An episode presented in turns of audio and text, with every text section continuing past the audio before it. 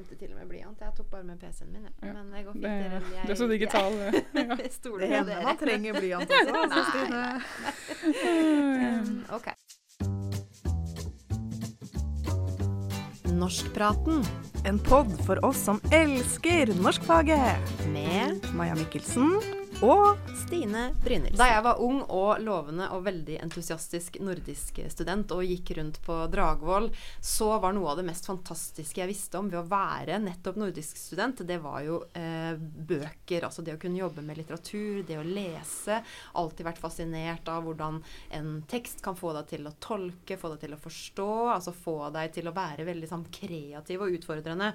Så jeg husker jeg satt der og bare tok imot når Brumo eh, snakka om eh, om eh, Amtmanns døtre, eller hva det måtte være, og når Steinar Gimnes hadde sine lyrikk- eller Vesaas-leksjoner. Det var helt fantastisk. Og så var det jo eh, en annen del da, som handla mer om språk og grammatikk, som jeg også syntes var interessant, men som jeg liksom ikke klarte å kicke like mye på, fordi jeg hadde en litt sånn oppfattelse av at språk, grammatikk, det er jo på en måte ikke så kreativt.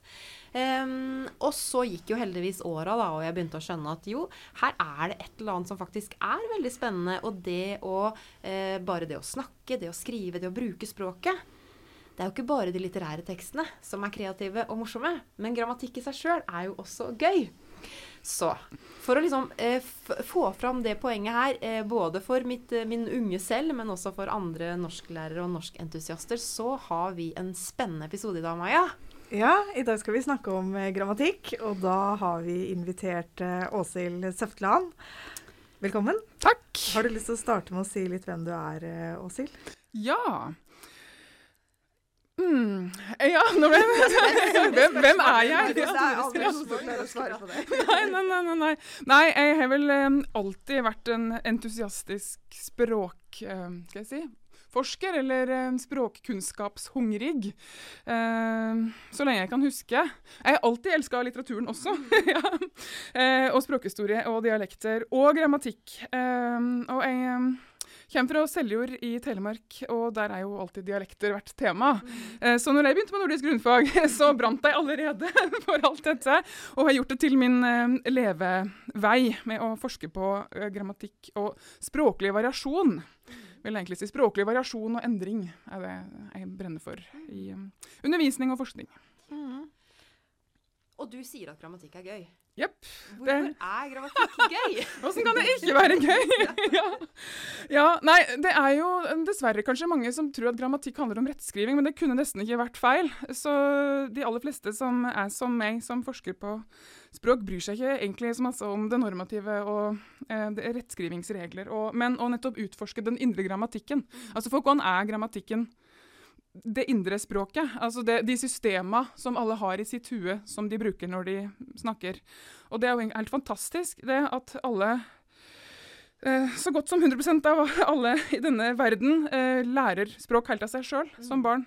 Eh, med all, alle de finurlige systema både i lyder og ord og bøying og ordrekkefølger og alle måter vi kan bygge opp språk på i ulike språk, og at det skjer helt av seg sjøl. Og det er også noe av det som fascinerte meg mest med um, da jeg begynte å studere også nordisk da, og språk i seg sjøl. Det er jo akkurat det her å få den derre aha-opplevelsen når du er sånn 19-20-21 år og kanskje ikke har tenkt på det, at guri meg, alle mennesker lærer seg et språk. Eh, Og man gjør det egentlig uten å gå på skole, altså sånn intuitivt. da. Enten om man kommuniserer med altså, lydlig språk, eller om man kommuniserer på andre måter. så så har man et eller annet sånn eh, innebygd i seg som gjør at man lærer det. Sånn at hvis man blir eh, adoptert i tidlig alder f.eks., så er det jo liksom ikke noe problem på en måte å lære seg et nytt språk.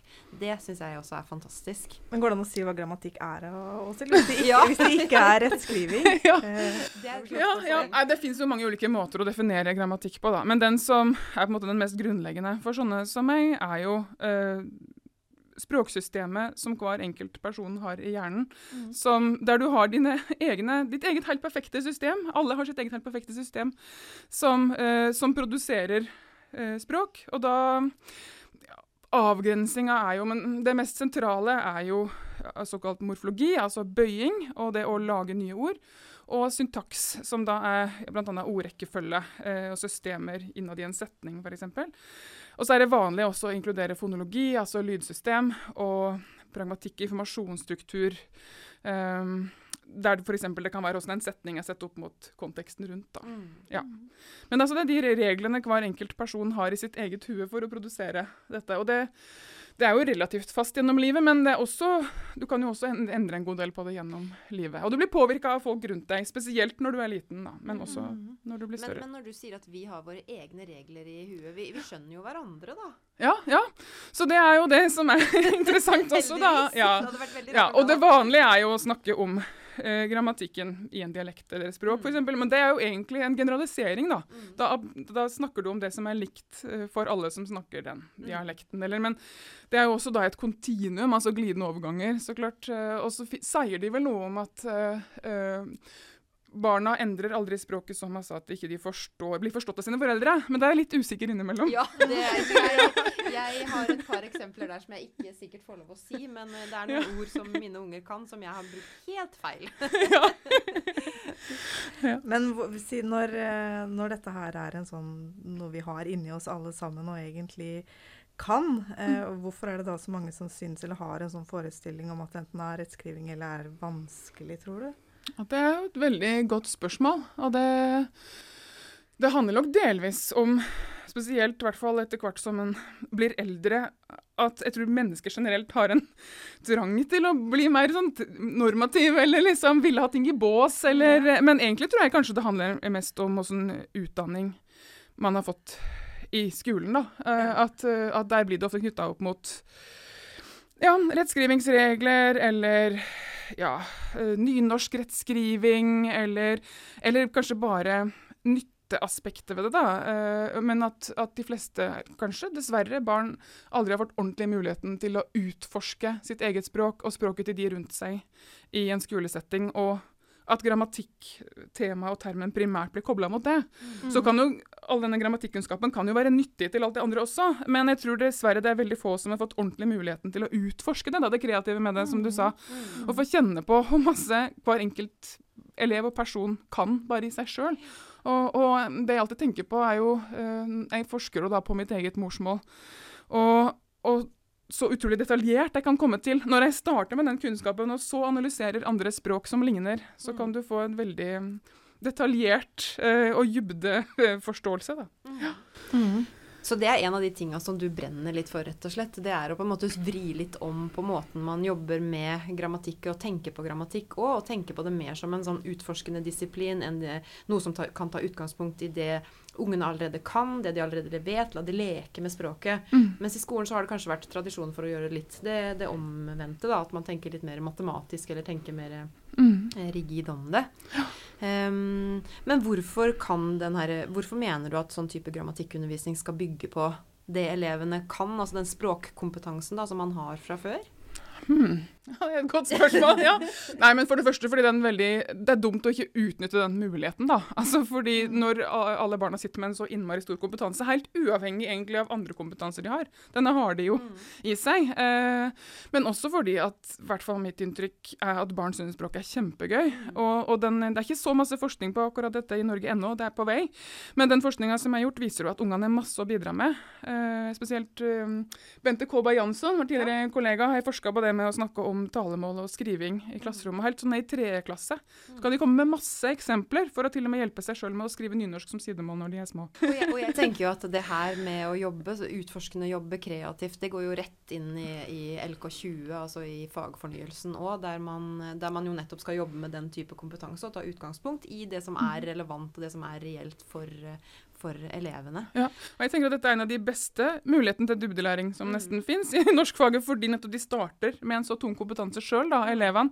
Mm. Og hvis du da, da kan du jo både snakke om grammatikken i seg sjøl, de kan forske på sitt eget språk og på de andre rundt seg. Eh, andre ungdommer, besteforeldre. Eh, men det, og det kan jo også da knyttes opp mot dialekter, språkhistorie, flerspråklighet, nordiske språk og diktlesing Mm. eller, eller egen skriving. Altså Litteratur er jo også ord og språk. Absolutt. faktisk. Ja. Så det, det her henger, henger absolutt sammen. Ja. Um, ja. Eh, så er det jo da, da Men det betyr jo også at det blir mye opp til norsklæreren, egentlig, og hvordan norsklæreren eh, utfører eh, den, den, type opplæring. Da. Og vi har jo snakka litt før vi kom på lufta her, så snakka vi jo litt om at vi er vel kanskje produkter på en måte av den norsklæreren vi har hatt mm. sjøl. Altså at en av grunnene til at jeg var mest opptatt av litteratur, det var kanskje at jeg har, jeg har, jo alltid vært glad i å lese bøker, men det var også det som på en måte ble vektlagt i skolen. da, Det var det jeg, det jeg jobba mest med, det jeg lærte med. mens um, fordi når vi gikk på skolen, sånn 80-90-tallet, så var det kanskje mer fokus på det her med å kunne kommunisere og kunne gjøre seg forstått. Man var ikke så opptatt av um, alle uh, ja, de her reglene da, for, uh, som man kanskje var tidligere. Det er en sånn pendel som svinger litt fram og mm. tilbake. Eh, men hva, hva Altså, norsklæreren må jo ha ulike typer kompetanser, da kanskje, eller? Mm. Og dette er jo en lang, lang historie, ja. det om grammatikkens plass. Eh, og de som er interessert, kan jo lese Fredrik Hertzberg sitt arbeid med Tanna fra 1995 mm. om hele grammatikkdebatten i norskfaget, og den finnes jo også internasjonalt. Eh, så er det, der er det masse litteratur å, å, lese om det. Og den er jo, det, som du sier, det er en pendel som er svinga, men, men pendelen har nok, sånn som jeg ser det, aldri helt komme dit til at den har gjort det som jeg nå har snakka om, å ha det kreative aspektet og, og det utforskende eh, som primæraktivitet i grammatikktema. Fordi, som du sier, det har vært en periode der det var nesten helt borte. Eh, men så før det så var det jo mange ganger i hvert fall mer terping og, og skjema og pugging, og, og, og som, som, kan være gøy for så vidt, det, men, men da er det nok færre som syns det er gøy, og det er også mindre lærerikt. Så det, det, det stemmer vel ganske bra med, med med, med, klassiske læringsteorier også, da, at hvis du å, hvis du kan ta utgangspunkt i din egen kompetanse og utforske det istedenfor å pugge, så lærer du det jo bedre. Mm. Så det blir både gøyere, og du lærer det bedre. Mm. Ja. Hva slags kunnskaper opplever du at studenter som kommer til oss har, når de kommer, eh, når de kommer hit som ferske studenter? Ja, Det er et godt spørsmål, og det stemmer nok med det Stine sa om, eh, om hvilken eh, bakgrunn de har fra egen skole. Så det gjelder nok nasjonalt og også internasjonalt at uh, de har forska på, ja, på det, det, grunnivået lærerstudenter kommer inn med i grammatikk på første år, og det er nesten Det er veldig lite. Mm. Uh, og det uh, Ja. Men mitt inntrykk er at spesielt nå i dag så er det veldig mange gode grammatikklærere rundt omkring på lærerutdanningene. Mm. Så mitt inntrykk både herifra og andre steder er at de lærer veldig masse i løpet av um, de første grunnstudiene. Uh, om det både om grammatikken i seg sjøl og, og, om andre språktema. Og at Um, de fleste kan synes det er veldig gøy når de får uh, kompetent undervisning i mm. lærerutdanninga. Altså, ja. Har du noen eksempler på en, en, et opplegg du har hatt med studentene dine som du tenker ah, det her, uh, det funka det funka skikkelig bra. Ja, Det morsomme er at jeg har nesten ikke undervist i grammatikk sjøl her. Men jeg har undervist masse i talemål, nabospråk øh, og språkhistorie. Øh, og mitt inntrykk er at øh, de syns det er kjempegøy. Uh, ja, sånn at tenker da, de klassiske Jeg tror at mange studenter her i Østfold syns det er kjempegøy når vi snakker om Østfoldmål mm. og østnorsk, og går i dybda. Mm.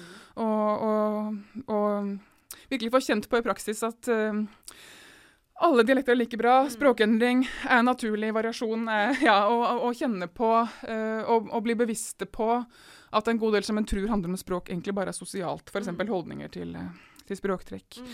Men også i språkhistorie. da, For, Jeg pleier å, å lese um, Fader vår på norrønt, f.eks. Mm. Eh, og jeg pleier å lese juleevangeliet på færøysk. og litt sånn, Når du på en måte kan innholdet, og de plutselig klarer å se gjennom språkhistorien. Og det er jo også grammatikkunnskap, eller det å hekte på, og bli mm. bevisstgjort. Uh, ja. Mm. Så det å, som du igjen sier, da, jobbe kreativt, det å la, la, studentene, eller om det er elevene, få ta utgangspunkt litt i det man allerede kan, eller den forkunnskapen man har, det er jo også eh, gode pedagogiske prinsipper, selvfølgelig.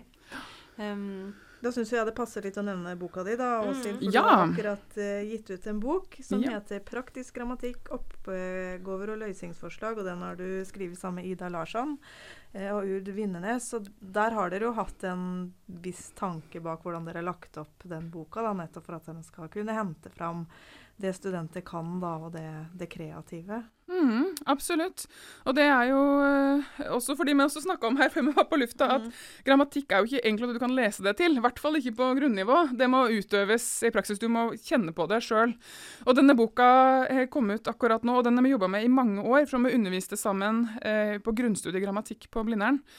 Eh, og sånn som boka har blitt, så har det ja, det er et par hovedpunkt med den. og Det, det ene er at ja, det skal være masse oppgaver. da, Og så er det forklaring også av begrep og litt sånn grunnleggende tema. Men, men nesten alle eksemplene er autentiske. Mm. Enten muntlige fra innsamla dialektmateriale, eller skriftlige fra ja, skjønnlitteratur og, og sakprosa. Eh, og, og det er jo litt uvanlig da, for de som ikke har lest mye grammatikkbøker. så er det litt uh, uvanlig grep. Ja, ja og, og det, men det er jo en vanskelig balansegang. fordi når du skal starte helt på grunnivå, så må du ofte lage eksempler sjøl. Fordi mm. faktiske eksempler er ofte vanskeligere å analysere. Ja. Så det må jobbe masse med å finne gode tekster som kan brukes. Og så en del steder må du lage eksempler for å få fram akkurat det du vil, uten at det skal bli for omfattende. Eller, ja. Men det andre viktigste, da, det er jo å um, nettopp ha det utforskende perspektivet. Sånn at vi prøver alltid å ikke starte med en term, for eksempel, men å starte mm. med en, et refleksjonsspørsmål.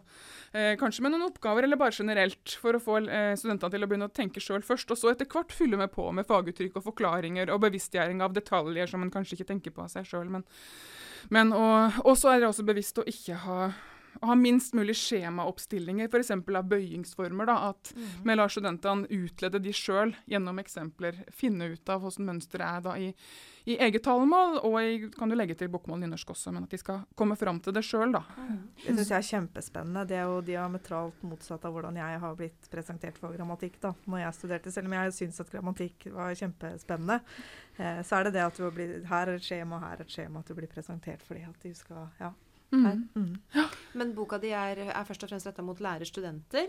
Eller kan ja. det være, være, nyttig for lærere som er i jobb òg? Jeg tror det er kjempenyttig for alle som eh, vil ha en innføring i grammatikk på grunnivå av den typen vi gir på grunnstudiet i lærerutdanningene, eller på lektorprogram eller, eller grunnstudiet i nordisk. Mm. Ja. Eh, og vil man også kunne få noen ideer i forhold til hvordan man kan jobbe som lærer med den grammatikken. Da. Fordi jeg tenker en ting er, som vi nå har snakka om, at uh, vi er kanskje vokst opp med den der oppgaven. Grammatikken havner ofte bakerst i læreboka. Det er det der tillegget som man bruker. Mm. Så kanskje lærere vil ønske seg å jobbe både kreativt og ønske seg å liksom ta utgangspunkt i elevene, det elevene kan og sånn, men så står du der med en tredjeklasse, og så Åssen gjør jeg det, på en måte? Mm. Det er klart, Her er det jo veldig masse detaljer som en ikke trenger å ha inn i hvert fall ikke i småskolen. Mm, mm, mm. Eh, men eh, jeg tror at oppgavetypene, mange av de kan være nyttige å se for lærere for å bli inspirert. Og noen av de kan du helt klart bruke eh, i skolen også. Eh, men jeg har faktisk en artikkel som jeg holder på å skrive nå, som handler deres om dette. Der refererer jeg faktisk til den boka kommer på i de eksempeltypene at du prøver å la eh, elever, studenter, utlede systemet sjøl. At du ikke presenterer de ferdig i et skjema. Den kan eventuelt komme til slutt, at du viser ok, dette er min, min versjon av skjemaet, men at du prøver å gi de eksempler som, der de sjøl kan komme fram til det. Og det, det kan de jo direkte overføres fra denne boka til skolen. Mm. Ja. Det syns jeg er også spennende, som jeg egentlig har lært av deg etter, etter å ha jobba sammen med deg. Det at det ikke nødvendigvis er noe, alltid noe fasitsvar f.eks. på de syntaktiske analysene. At det kan finnes ulike ulike tolkninger. Og det tror jeg ofte er en aha-opplevelse for studenter òg. At det ikke, ikke er eh, nødvendigvis ett fasitsvar. Ja, ja, det er jo noe av det gøyeste synes jeg, med å undervise på grunnivå. Det er å ha de gode eksemplene der studentene helt av seg sjøl ser Oi, her er det to løsninger! Det er vel, jeg tror Et av eksemplene her er 'Jeg så dama med kikkerten'. Ja. Kan du gi meg nå to analyser av den? ja, enten så ser du hun dama gjennom kikkerten, eller så ser du en dame som har en kikkert. Ja. ja. Så i det første tilfellet så er det jo tre ledd i setninga. Eh, jeg så henne. Ja. Eller så har du fire ledd, så jeg så henne slik. Eller, ja. Mm, ja.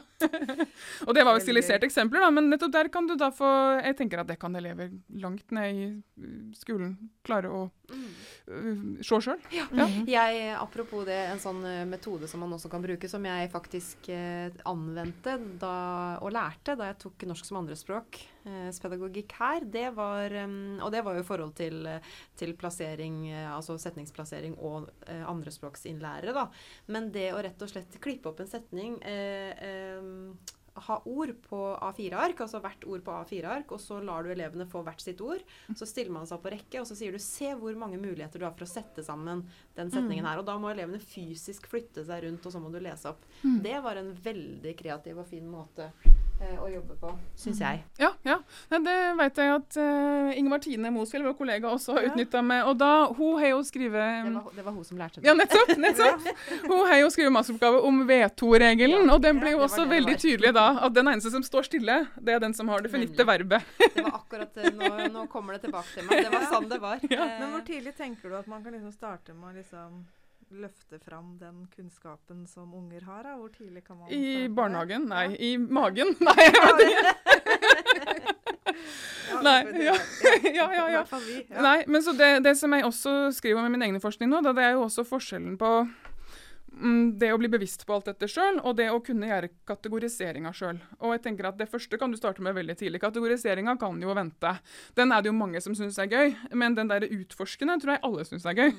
Unger er jo kjempekreative med ja. språk i utgangspunktet. Det er jo ja. ingen som er så kreative med språk som barn. Men jeg har lyst til å fortelle, da, fordi ja. at det var eh, Vi er jo kollegaer, da, hvis ikke noen har skjønt det, og vi er også nesten naboer, så det var en Eh, en ettermiddag for noen år siden hvor jeg skal, skulle opp til deg og få hjelp med noe eksamenssett eller noe sånt, tror jeg. Ja, Vi skulle diskutere eksamensoppgaver, tror jeg. Skulle diskutere noen eksamensoppgaver, og da hadde jeg med dattera mi som var Da var hun seks år.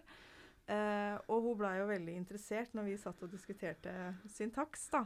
Så da ga vi jo rett og slett eh, Lot hun liksom gjøre noen sånn forenkla oppgaver av det vi satt, eh, satt, med. Og hun knakk den Nå er jo hun smart, da. men, eh, men den, det, det, skjønte hun rimelig kjapt. altså. Hun skjønte forskjell på objekt og adverbial, f.eks. Etter ja, det tok ikke lang tid. Ti minutter. Ja. Mm, ja. ja. Nei, absolutt. Og det er jo det andre. Det er jo det med Apropos objekt og adverbial. Altså, um, vi pleier å snakke om metaspråk, da, det å ha et mm. språk om språket. Mm. Uh, men det jeg også har egentlig begynt å bli stadig mer opptatt av, er jo at det går jo fint an å ha samtaler uten at du bruker disse orda. Mm. Og så andre ganger så vil du ha inn disse orda fordi de skal bruke det i en annen sammenheng, til skriveopplæring mm. eller andre. Men, men eh, det går helt fint også an å lære opp en klasse til å kunne snakke om språk også uten de termene. Mm. Eh, det kan jo være en bonus som kan komme av seg sjøl nesten til slutt. Eh, så jeg tenker at det går an å eh, Jeg tenker at det aller viktigste er å få snakka om språk og mm. uthente den bevisstheten, eh, kunnskapen de har. Uh, og så kan alt det andre komme som en bonus. Ja. Og det handler jo også om dybde, dybdelæring, på en mm. måte. Altså at du har den der økende progresjonen i forhold til å bruke mer og mer fagspråk og termer etter hvert da, som du blir større. Mm. Men jeg ble litt nysgjerrig egentlig når jeg begynte å tenke på det her med norsk som andre språk. Ja, nå, mm. det, det, det, å leke med språket når du har når det er ditt morsmål, da, når det er ditt første språk, det er jo kanskje én ting. Men det, jeg har jo også jobba mye med elever med norsk som, eh, som andrespråk, og det er ikke så lett å leke så mye Altså, jeg har ikke tenkt på det perspektivet engang. Mm. Men at det kanskje også kunne være nyttig for elever med norsk som andrespråk, da. Fordi jeg har jobba med videregående elever som er veldig opptatt av mange kanskje kommer fra en, en, kultur der man er opptatt av å liksom være veldig skoleflink og få til ting veldig fort og sånn. Så man har ikke tatt seg tida til det heller. Men det å liksom leke med språket for å bli bedre høres jo også fornuftig ut, eller? Ja, absolutt. Og, og, det som en ofte snakker om, jo mindre fokus du får på det normative, jo lettere er det å ha en litt annen bakgrunn. Mm. Sånn at i det du snakker mer om det kreative og uthenting av kompetanser, så blir det mindre farlig å ha det som andrespråk også, mm. fordi at alle kan bidra med sitt. Mm. Eh, og så er det jo så klart i dag stort fokus på å, å bruke flerspråklighet som ressurs. Så hvis du da kobler dette med at de kan hente ut ressurser fra alle de andre språka mm. de kan, så får du en kjempebonus. Mm. Eh, så spesielt i klasser eh, der du har barn med mange ulike morsmål, så er jo det perfekt mm. å inkludere alle i den samme mm. poolen. da. Og da vil du jo også få større mulighet til å kanskje påpeke det her med flerspråklighet som en ressurs òg, hvis man skal liksom se på ja, hvordan snakker jeg, hvordan snakker vi, hvordan er, hva er likt, hva er ulikt, og, og kunne sammenligne og ja, mm. leke, rett og slett. Mm. Ja. Og hvis du da tar utgangspunkt i den kompetansen elevene har sjøl, så spiller det mindre rolle uh, at læreren kan om alle disse språka og dialektene også. Mm. For det vet jeg mange lærere er redde for, at ikke de kan nok om disse andre språka som elevene kan. Men i en sånn setting så er ikke det så, så viktig, da. Da kan elevene sjøl være egen ekspert. Mm. Ja. Mm. Hva, hvordan står det til med liksom forskninga på grammatikkdidaktikk i Norge i dag? Da? Ja, det er jo sånn at En pleier å si at det har vært mer fokus på offer. Du skal ha grammatikk enn hva den faktisk kan gjøre. Men det begynner å komme nå. og det... Jeg sa det litt flåst her sammen, kanskje skal jeg gjenta det. Jeg tror at en, en stor bonus med at vi har fått eh, femårig lærerutdanning med master, og at det ble krav om flere med doktorgrad, er at det er mange med eh, mm, kompetanse på doktorgradsnivå om grammatikk som har kommet inn i lærerutdanninga. Og, og veldig mange av mine nærmeste kolleger rundt i landet er like engasjert i dette som meg. Uh, og nå begynner det å komme en god del forskning både på uh, grammatikktema i lærebøker og på um, grammatikk og språkhistorie, grammatikk og dialekter. Altså skal jeg si, talemålsdidaktikk og språkhistoriedidaktikk, og, og hvordan du kan undervise disse grammatiske temaene. Det er fortsatt ganske lite forskning på dette, spesielt i en klasseromsetting. Så f.eks. eksempel hvordan du kan rent metodisk få det til. Mm -hmm. Ja. Men det er på vei, og det er litt, men det kommer, og det kommer stadig mer. Så det, det er et felt som er i uh, stor utvikling akkurat nå i Norge, vil jeg si. det er jo helt supert. Ja. Ja. Uh, ja. Uh, vi, var litt, vi, var litt, inne på det der med studenter og sånn, hvis jeg bare lyst til å hoppe litt tilbake. fordi at hva er det de opplever som det der med, altså nå, Vi kan jo ikke snakke om ny ordklasseinndeling lenger, vel? Nei. Men, uh, det er noen år siden. Men du har sagt noe om det, hva de syns er vanskelig. da, Det med ordklasse versus det å lære om syntaks, f.eks. Ja, det, jeg har tenkt litt på det. Jeg har sjøl jobba veldig masse med, også som uh, automatisk um, annotør av mhm. språk eh, i datalingvistisk sammenheng. Altså å lage språkdatabaser. Så jeg har ja. jobba med, å annotere en hel drøss med enkeltord med ordklasse og syntaktiske trekk. Eh, så jeg har jobba veldig masse med ordklasser sjøl, men så har jeg skjønt at mange studenter eh, på grunnivå og andre som lærer grammatikk på grunnivå, virker som at de syns at syntaktisk funksjon, altså subjekt, verbal, objekt, mm. er lettere enn ordklasser. Altså substantiv Eh, verb og adjektiv. Og det har jeg lurt på. Jeg har ikke noe svar ennå på hvorfor det. Men jeg, jeg tenker at uh, ordklassene er jo mer satt for å for systemets grunn, da. Altså, det, det, de er kanskje mindre ekte, kan du si. Mm. Altså, eh, de, de syntaktiske funksjonene har vi jo i, i mm. språket. Mm. Ordklassene er, er, nok mer lagd for kategoriseringas skyld. Der er det flere eh, som, ord som ikke passer helt inn i en mm. ordklasse. Og, så det er kanskje det at det egentlig blir mer abstrakt, da. Jeg vet ikke. Mm. Ja. Mm. Kanskje. Ja. ja. Jeg syns det er spennende det med åpne og lukka ordklasser, f.eks. Ja, mm, det er absolutt. Ja, ja, ja. Gikk opp et lys for meg? Ja. kan vi spille inn en egen eh, ja. ja, ja.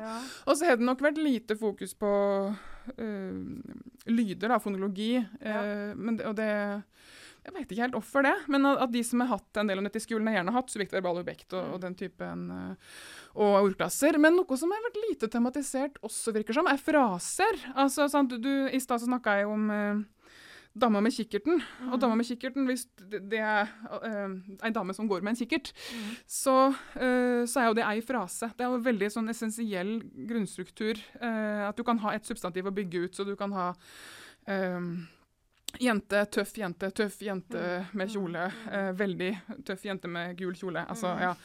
Eh, men det virker som er veldig lite tematisert i skolen. Eh, så det bruker vi ganske masse tid på å lære studentene. Og det er jo kjempeviktig i skriveopplæring, f.eks. Eh, det, det er nok uh, ganske lite tematisert. Altså, hvis jeg tenker mm. på fra studiene, så husker jeg det. Altså, da er vi jo på nomenfraser og hva det måtte være. Men i, som lærer i lærergjerninga så var det nok ikke det noe du jobba mye med, nei.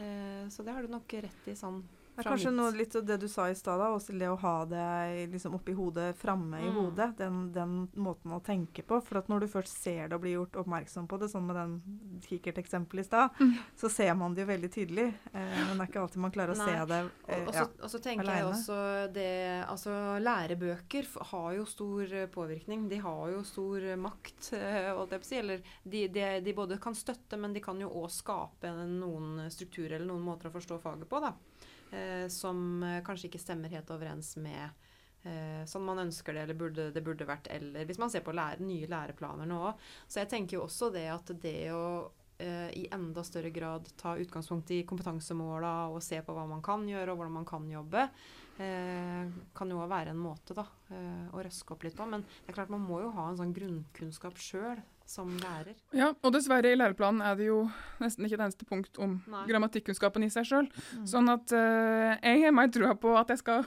utdanne alle disse ja. uh, lærerstudentene, og så skal de være fulle av engasjement.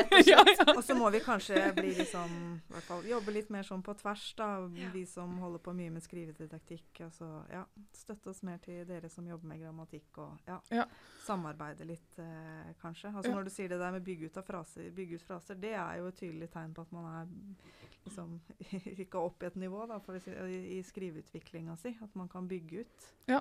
Mm, så det å klare å se det.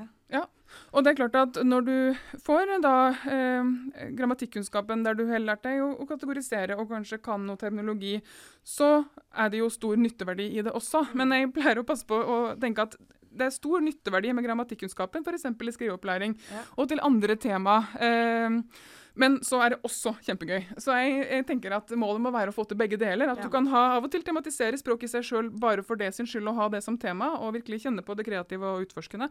Og så etter hvert kan du ta det i bruk i praksis, eh, med også da nytteverdien på tvers av temaet i norskfaget. Mm. Og det jeg tenker at det er kjempeviktig at lærere har kunnskap til begge deler. Mm. Eh, ja. Mm. Det eh, syns jeg var en veldig god avrunding. Ja. Hvis ikke du har noe du brenner inne med, Maja? Jo da.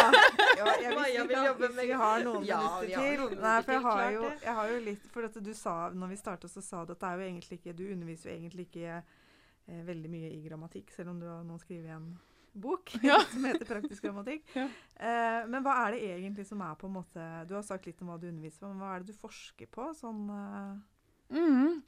Jeg eh, nesten setter som mitt uh, kall. Det er to ting. Og det ene er å forske på faktisk tale. Altså, mm. Jeg har jobba med å bygge opp mange sånne mm, språkdatabaser med talespråk. Moderne Ivar Aasen. Uh, ja.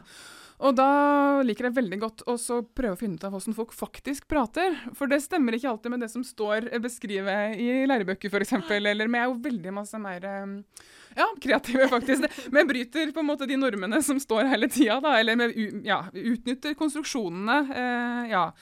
Eh, og så eh, forsker jeg gjerne på eh, grammatikk som handler om mer enn bare ordplassering, altså f.eks. opp mot informasjonsstruktur eller, eller betydning. Så uh, jeg, har skrevet doktorgrad om utbryting, som er setninger av typen Eh, det var Stine som vant. Eh, ja.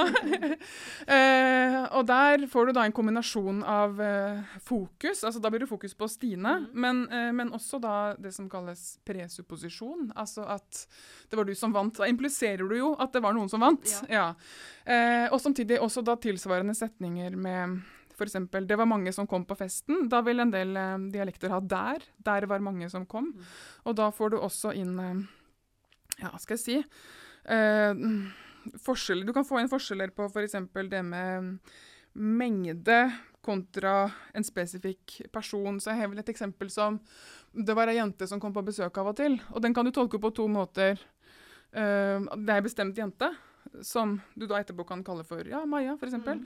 Eller at det var ei jente. Det var ikke en gutt. Ah, ja. Ja, mm. Det var ei jente som kom på mm. besøk av og til. Ja, ja, og da får du på en måte en blanding av både da eh, syntaks, altså ordrekkefølge, formelt subjekt, eh, betydning, altså semantikk, og informasjonsstruktur i ett. Så det, det jeg liker best når du får eh, alle disse tinga som virker sammen. Men Betyr det også at du er mye ute og intervjuer eller prater med folk? Eller hvordan samler du inn, eh, hvordan får du tak i de her ekte eksemplene dine? Ja, nei, Nå finnes det jo flere store korpus som jeg var med som assistent altså før jeg begynte på doktorgrad. og samle, ja, Som er åpent tilgjengelig for alle med feide-innlogging. Så du har nordisk dialektkorpus, og så har du Nota Oslo med Oslo-mål, og så har du det jeg forsker på nå, er amerikanorsk. Det kan vi snakke om en annen gang. ja. Vi må lage mange ja. og, eh, og andre, nå heller jeg på med et nytt prosjekt å lage andrespråkskorpus. Med eh, språkutviklinga til de som lærer norsk som andrespråk. Så de, jeg har vært med og samla de inn før, og nå forsker jeg på de. Veldig spennende. Kjempespennende. Nei, vi må spille inn eh, flere episoder. er det noe du har lyst til å legge til til slutt som du ikke har fått sagt? Nei, nå tror jeg vi har vært innom alt jeg syns er viktig og bra. Ja. ja. det er bra. det er sånn komprimert 30 ja, ja, ja. minutter eh, intensiv grammatikk. Ja, jeg er kjent for det, da. Å komprimere mange ja, ting på en gang. Men uh, tusen, tusen takk for at du tok deg tida til å komme. Takk for invitasjonen. Ja, takk. Det her var skikkelig gøy, og det skulle det være òg. Norskpraten. En pod for oss som elsker norskfaget. Med Maja Mikkelsen og Stine Brynildsen.